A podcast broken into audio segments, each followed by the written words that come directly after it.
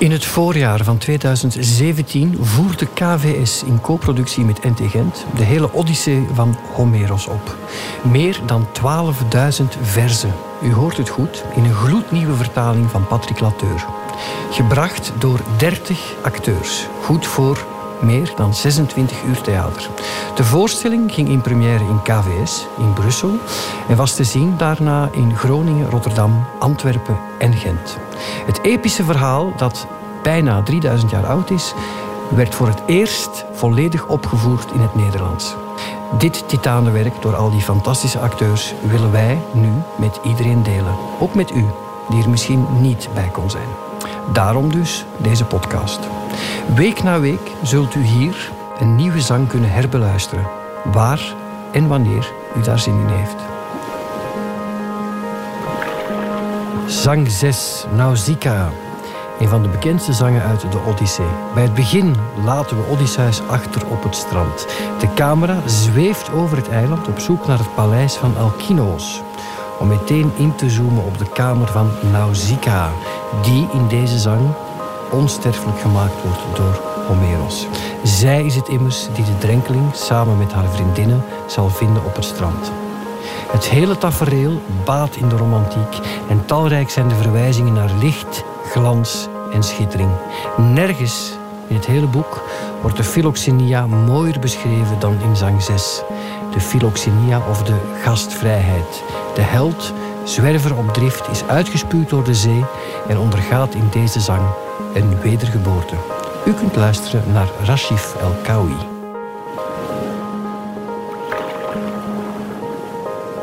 Zo lag daar, overmand door slaap en moeheid, de vierde Odysseus die niet versaagt. Athena echter ging naar land en stad van de Phaeaken. Lang geleden woonde zij in het uitgestrekte Hyperea, nabij de overmoedige cyclopen.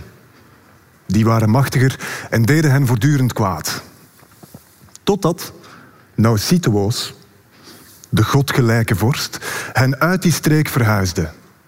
Overbracht naar Scheria, ver weg van het mensenras dat granen eet. Hij liet een wal optrekken rond de stad, liet huizen bouwen, tempels voor de goden, het akkerland onder elkaar verdelen. Maar, overweldigd door het doodslot, was hij reeds naar Hades' woning afgedaald. Nu was Alkinoos hun vorst. Zijn wijs beleid had hij te danken aan de goden. Athena, met de fonkelende ogen, ging dus naar zijn paleis. Ze had als doel de thuiskomst van de koene Odysseus. Daar liep ze naar een fraai bewerkte kamer, waarin een meisje sliep. Dat in gestalte en schoonheid leek op de onsterfelijke.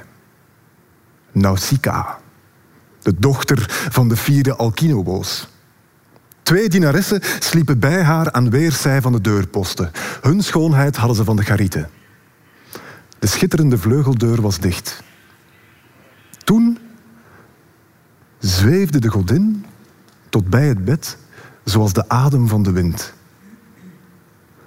Athena hield halt boven Nausicaa's hoofdeind en sprak tot haar gelijkend op de dochter van Dimas, die vermaard was om zijn schepen. Ze was met haar bevriend en even oud. Athena, met de fonkelende ogen, nam haar gedaante aan en sprak als volgt. Nausicaa, waarom toch bracht je moeder een zo nalatig kind ter wereld? Kijk, je beste kleren liggen onverzorgd, terwijl je huwelijksdag niet ver meer is. Dan moet je zelf toch proper zijn gekleed en de kledij van je gevolg verzorgen. Op die manier verspreidt zich onder mensen jouw goede naam, tot vreugde van je vader en van je moeder eerbiedwaardig. Kom, zodra de dageraad is aangebroken, gaan we ze wassen. Ik geleid en help je om er zo snel als kan mee klaar te zijn. Want weet, jij blijft niet lang meer ongehuwd. Ja, alle vooraanstaanden in het land van de Phaeaken, waar ook jij toe hoort, verlangen jou nu als hun bruid te krijgen. Vraag morgen vroeg met aandrang aan je vermaarde vader jou een wagen in te spannen voor muilezels, om gordels, feestgewaden en schitterende spreien te vervoeren. Ook is het voor jezelf beter zo te gaan en niet te voet. De waskuilen zijn toch een eind verwijderd van de stad. Athena met de fonkelende ogen ging na die woorden weg naar de Olympos, waar, zo beweert men, het onwankelbaar verblijf der goden eeuwig blijft gevestigd. Door winden wordt het niet doorheen geschud. Het wordt nooit nat door regenbuien. Sneeuw bedekt het niet. Maar wolkeloos spreidt zich de klare lucht. Een glinsterende glans loopt over de Olympostoppen heen. In vreugde en geluk brengen de goden daar al hun dagen door. En daarheen ging Athena met de fonkelende ogen nadat ze het meisje raad gegeven had. Al snel kwam Eos met haar mooie troon. Het meisje met de schone peplos werd door haar gewekt, was om haar droom terstond verwonderd en doorliep heel het paleis om dat te melden aan haar lieve ouders. Ze trof haar vader en haar moeder binnen. De laatste zat nabij de haard en spon met dienaressen wol vol glinstering als van de zee. Haar vader kruiste ze terwijl hij net de deur uit wou. Op weg naar de vermaarde edele. De raad waarvoor hem de aanzienlijke Fayake uitnodigde. Nausicaa ging heel dicht bij haar vader staan en sprak als volgt. Vaderlief, laat jij me niet een wagen inspannen, hoog, voorzien van sterke wielen, om zo mijn beste kleren die nu vuil zijn naar de rivier te brengen en te wassen. Ook jij hoort nette kleren aan te hebben als je met vooraanstaande raadsdag houdt. Vijf zonen zijn in jouw paleis geboren. Twee huwden reeds. Drie zijn nog vrijgezel in volle bloei. Ze willen steeds met vers gewassen kleren naar de dansplaats gaan. Wel, al die zorgen zijn mij toevertrouwd, zo sprak ze. Maar haar nakend huwelijk vermeldde ze uit schroom niet aan haar vader. Maar hij begreep wel alles en gaf antwoord. Mijn kind, ik weiger je geen muilezels. Iets anders ook niet. Ga maar. Slaven zullen voor jou een hoge wagen inspannen, voorzien van bovenstel en sterke wielen. Na die woorden gaf hij aan zijn slaven zijn orders door. Ze gaven hem gehoor. Ze brachten buitenshuis een ezelwagen gereed. Lichtlopend. Brachten muilezels onder het juk. Zo maakten zij het span klaar. Nausicaa bracht schitterende kleren haar kamer uit en legde die toen neer van bovenop de gladgeschaafde wagen. Haar moeder pakte in een mand royaal diverse eetwaren, ook lekkernijen en goot nog in een geitenleren zak wat wijn. Het meisje was reeds op de wagen geklommen toen haar moeder in een gouden fiool haar wat zachte olie gaf om zich te zalven samen met haar dienaressen. Ze nam het glanzend leizeel en de zweep vast. Zweepte de muilezels op gang. Getrappel van het span weer klonk. Gestaag hun stap terwijl ze de kledij vervoerden. En ook het meisje, dat gezelschap kreeg van dienaressen die te voet haar volgden. Ze kwamen bij de wondermooie vliet van de rivier. Daar zijn er waskuilen die altijd vol staan. Helder water welt er uit de grond in overvloed tevoorschijn om zelfs de vuilste kleren schoon te wassen. Ze spanden daar de dieren uit de wagen om ze langs de rivier met vele kolken te drijven en in het zoete gras te laten grazen. Daarna namen ze de kleren uit de wagenbak en droegen ze in hun armen naar het donker water, waar ze het wasgoed snel in kuilen stampten, als waren het rivalen in het werk. Nadat ze alle vuile kleren hadden gereinigd en gewassen, legden ze de kleren te drogen op de oever van de zee. In rijen. Waar het zeenat kiezel steeds het beste afspoelt als het landwaarts rolt. Toen baden zij. Met olie zalfde zij zich glanzend en gebruikte langs de oevers van de rivier het maal. Terwijl de kleren te drogen lagen in de zonnegloed. Zodra de dienaressen en ook het meisje van spijs verzadigd waren, legden ze hun hoofddoek af en speelde met een bal. Het meisje met de blanke armen ging hen voor in zang en dans. Nausicaa. Zoals de godheid Artemis die pijlen schiet. Over bergen snelt, de lange rug van de Taygetos of Erymanthos. Ze vindt vermaak in evers, snelle hinden. En met haar spelen landelijke nymfen, dochters van Zeus die met de Aegis zwaait, terwijl het hart van Leto zich verheugt. Met kop en schouders steekt zij boven allen uit. Artemis is makkelijk herkenbaar. Maar niettemin zijn alle nymfen mooi. Zo blonk het ongehuwde meisje uit te midden van het groepje dienaressen. Maar toen ze eraan dacht de mooie kleren te vouwen, de muildieren te tuigen om daarna de terugweg aan te vatten, bedacht juist toen Athena, de godin met de fonkelende ogen, weer iets nieuws. Dat Odysseus weer wakker werd. En het meisje met de mooie ogen zag dat hem naar de Fajakenstad moest brengen. Zo wierp dus de prinses de bal naar een van haar slavinnen.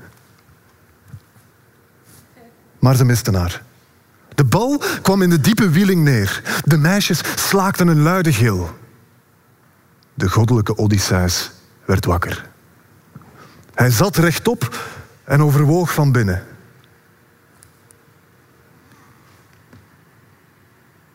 Wee mij. Welk land van welke stervelingen bereikte ik nu weer? Geweldenaars en wilden zonder rechtsgevoel? Ofwel gastvrije mensen met ontzag voor goden?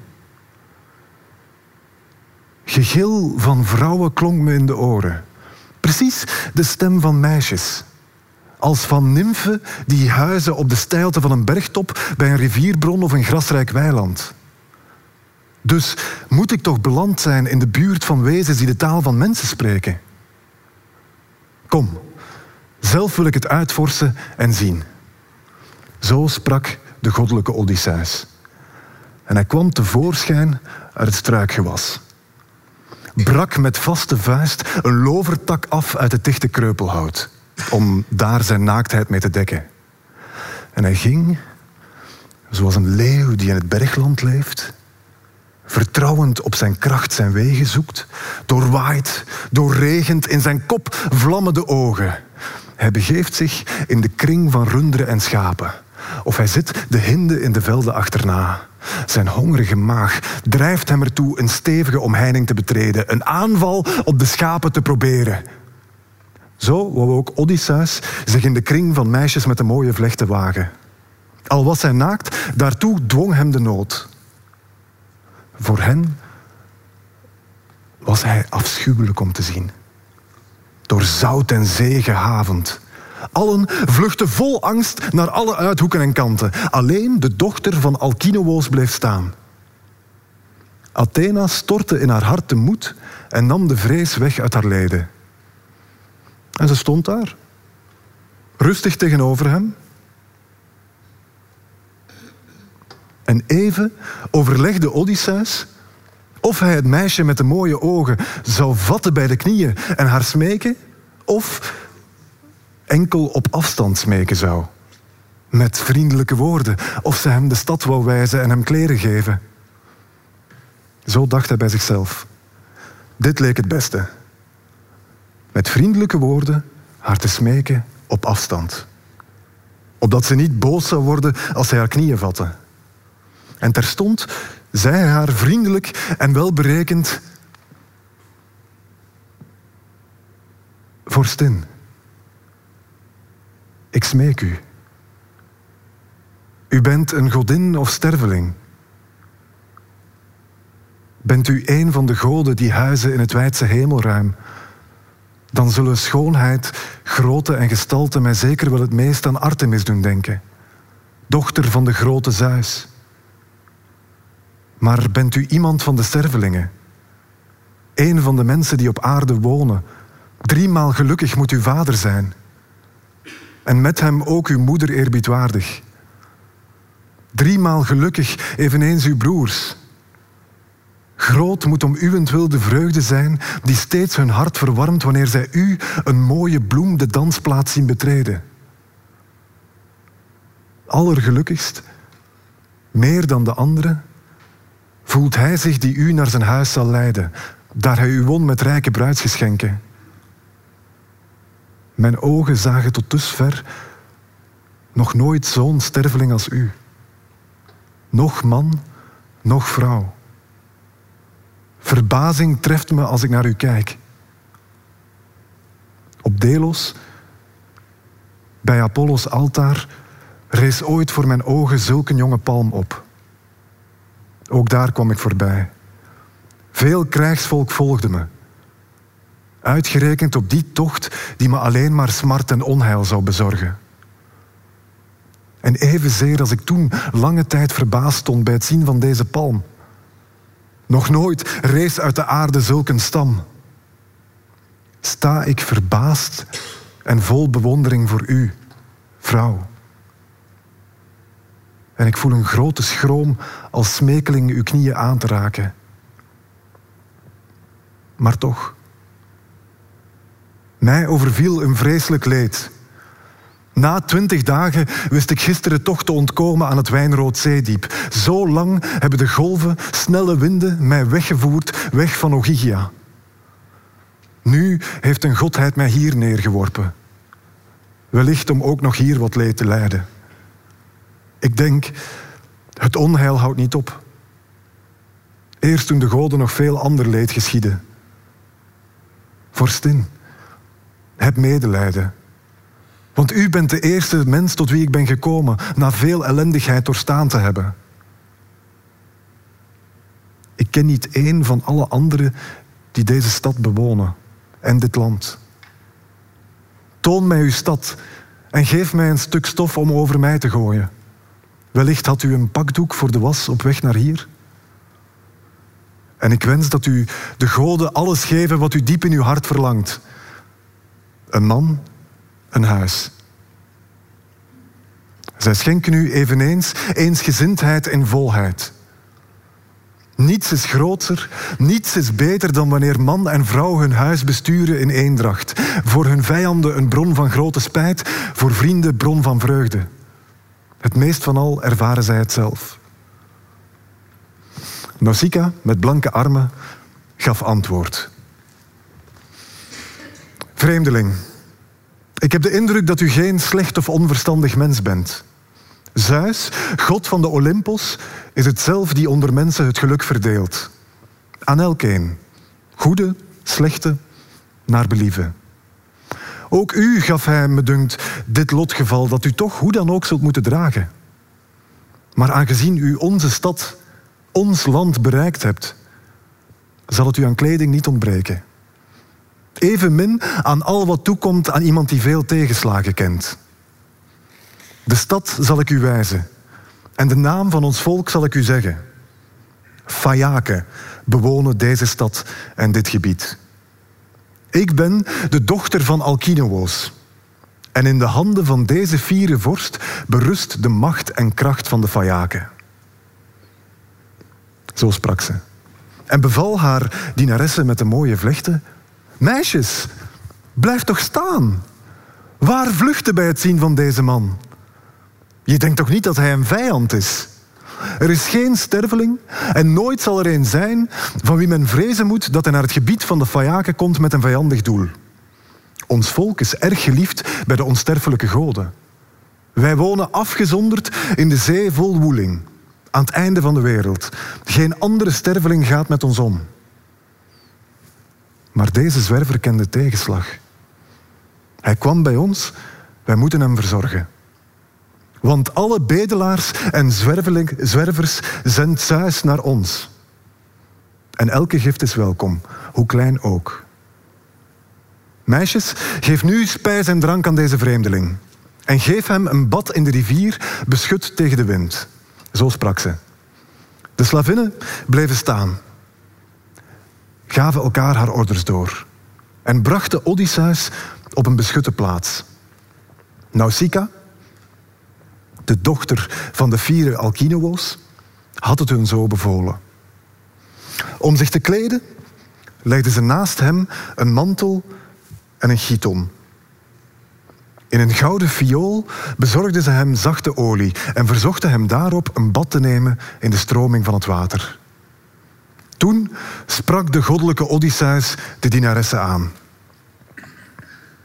Toe, meisjes, ga wat op een afstand staan, zodat ik zelf de zilte aanslag van mijn huid af kan wassen en me heel met olie zalven.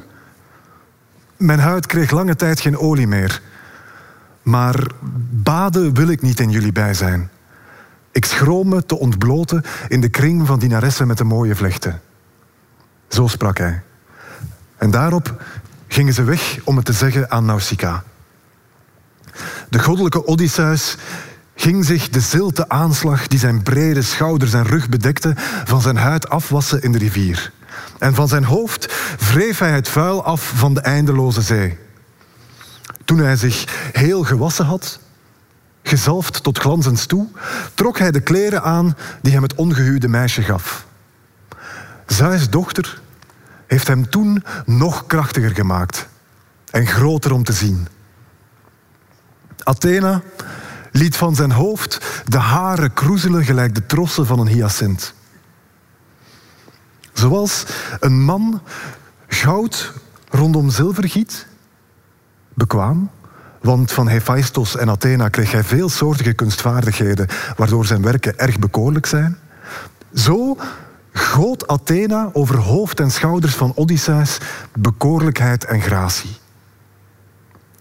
Wat verder op het zeestrand ging hij zitten in glans van schoonheid en bekoorlijkheid. Nausicaa keek vol bewondering en zei de meisjes met de mooie vlechten: Dienstmeisjes met de blanke armen, luister naar wat ik zeg. Niet zonder instemming van alle goden die Olympos hoogte bewonen, kwam die man bij de Phaeaken, ons volk. Zo even scheen hij mij afzichtelijk. Nu lijkt hij op de goden die huizen in het wijdse hemelruim. Ik wou dat zo iemand die hier verblijft mijn man kon heten. Dat het hem beviel hier ook te blijven. Maar kom, geef nu spijs en drank aan deze vreemdeling. Zo sprak ze.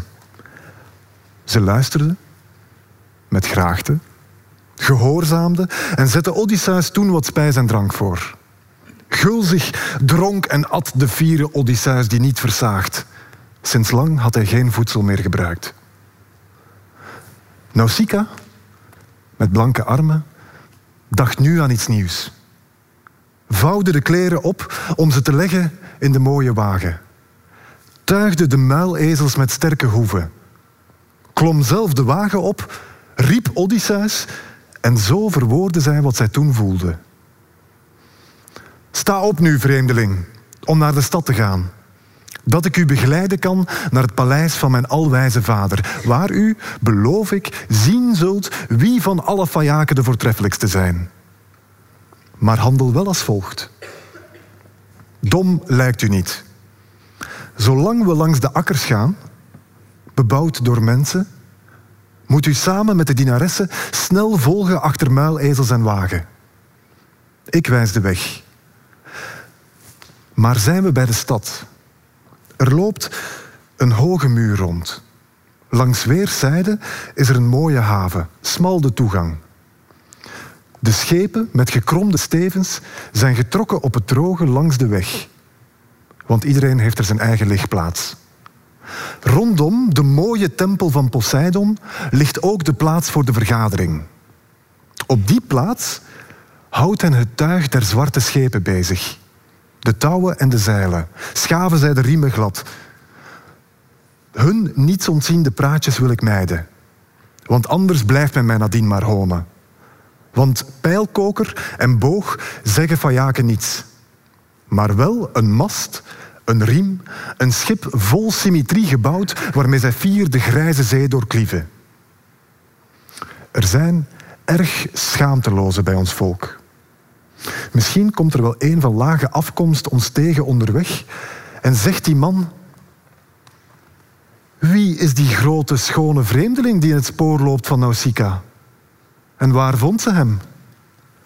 Hij wordt beslist haar man. Zij bracht misschien wel iemand van die schip mee.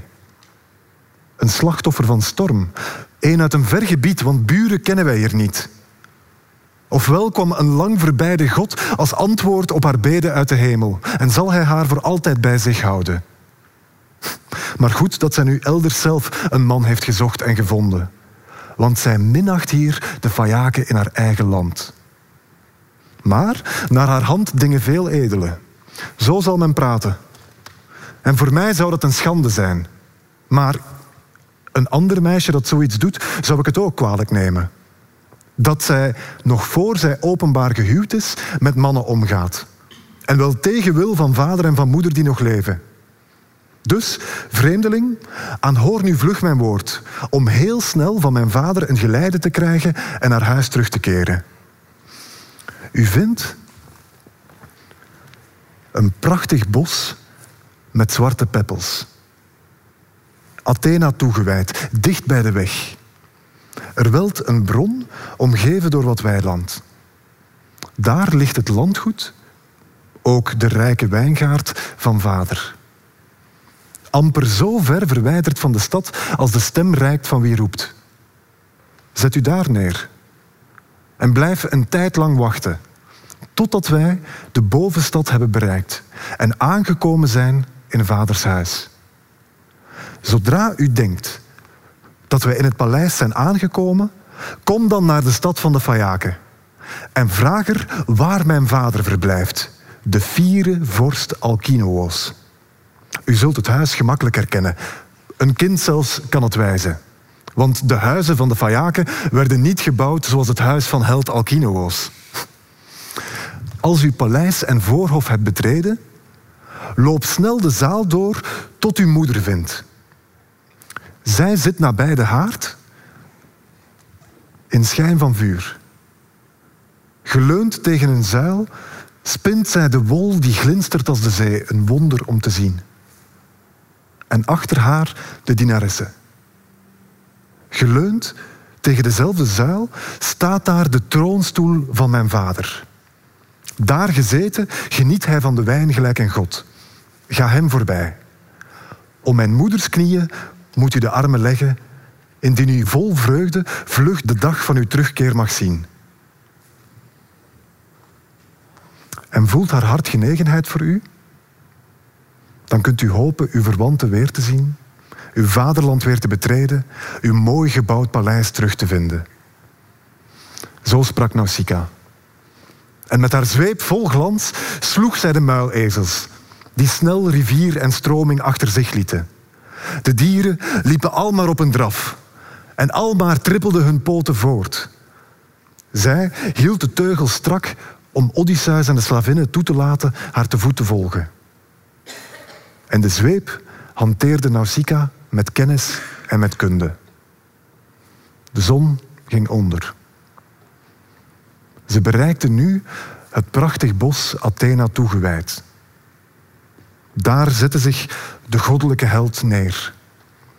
Aanstonds richtte Odysseus zijn beden tot haar, die de dochter van de grote Zeus is. Verhoor me, onvermoeibare. U, dochter van Zeus, de god die met de Aigis zwaait, aanhoor me nu. U deed het eerder niet de vermaarde schudder van de aarde op mij bleef beuken en ik schipbreuk leed. Geef dat ik bij het volk van de Fayaken wat vriendschap en wat medelijden vind. Zo bad hij. En hij werd verhoord door Pallas Athena. Maar hem verschijnen deed zij niet, want voor haar vaders broer had zij ontzag. Die bleef van woede zieden op de grote held Odysseus, tot hij zijn land bereikte. Deze podcast is een samenwerking van KVS, Radio 1, uitgeverij Atheneum Pollak en Van Gennep en vertaler Patrick Lateur. In 24 afleveringen hoor je hier de volledige Odyssee van Homeros, waar en wanneer jij dat wil. Meer informatie vind je ook via kvs.be en natuurlijk ook radio1.be.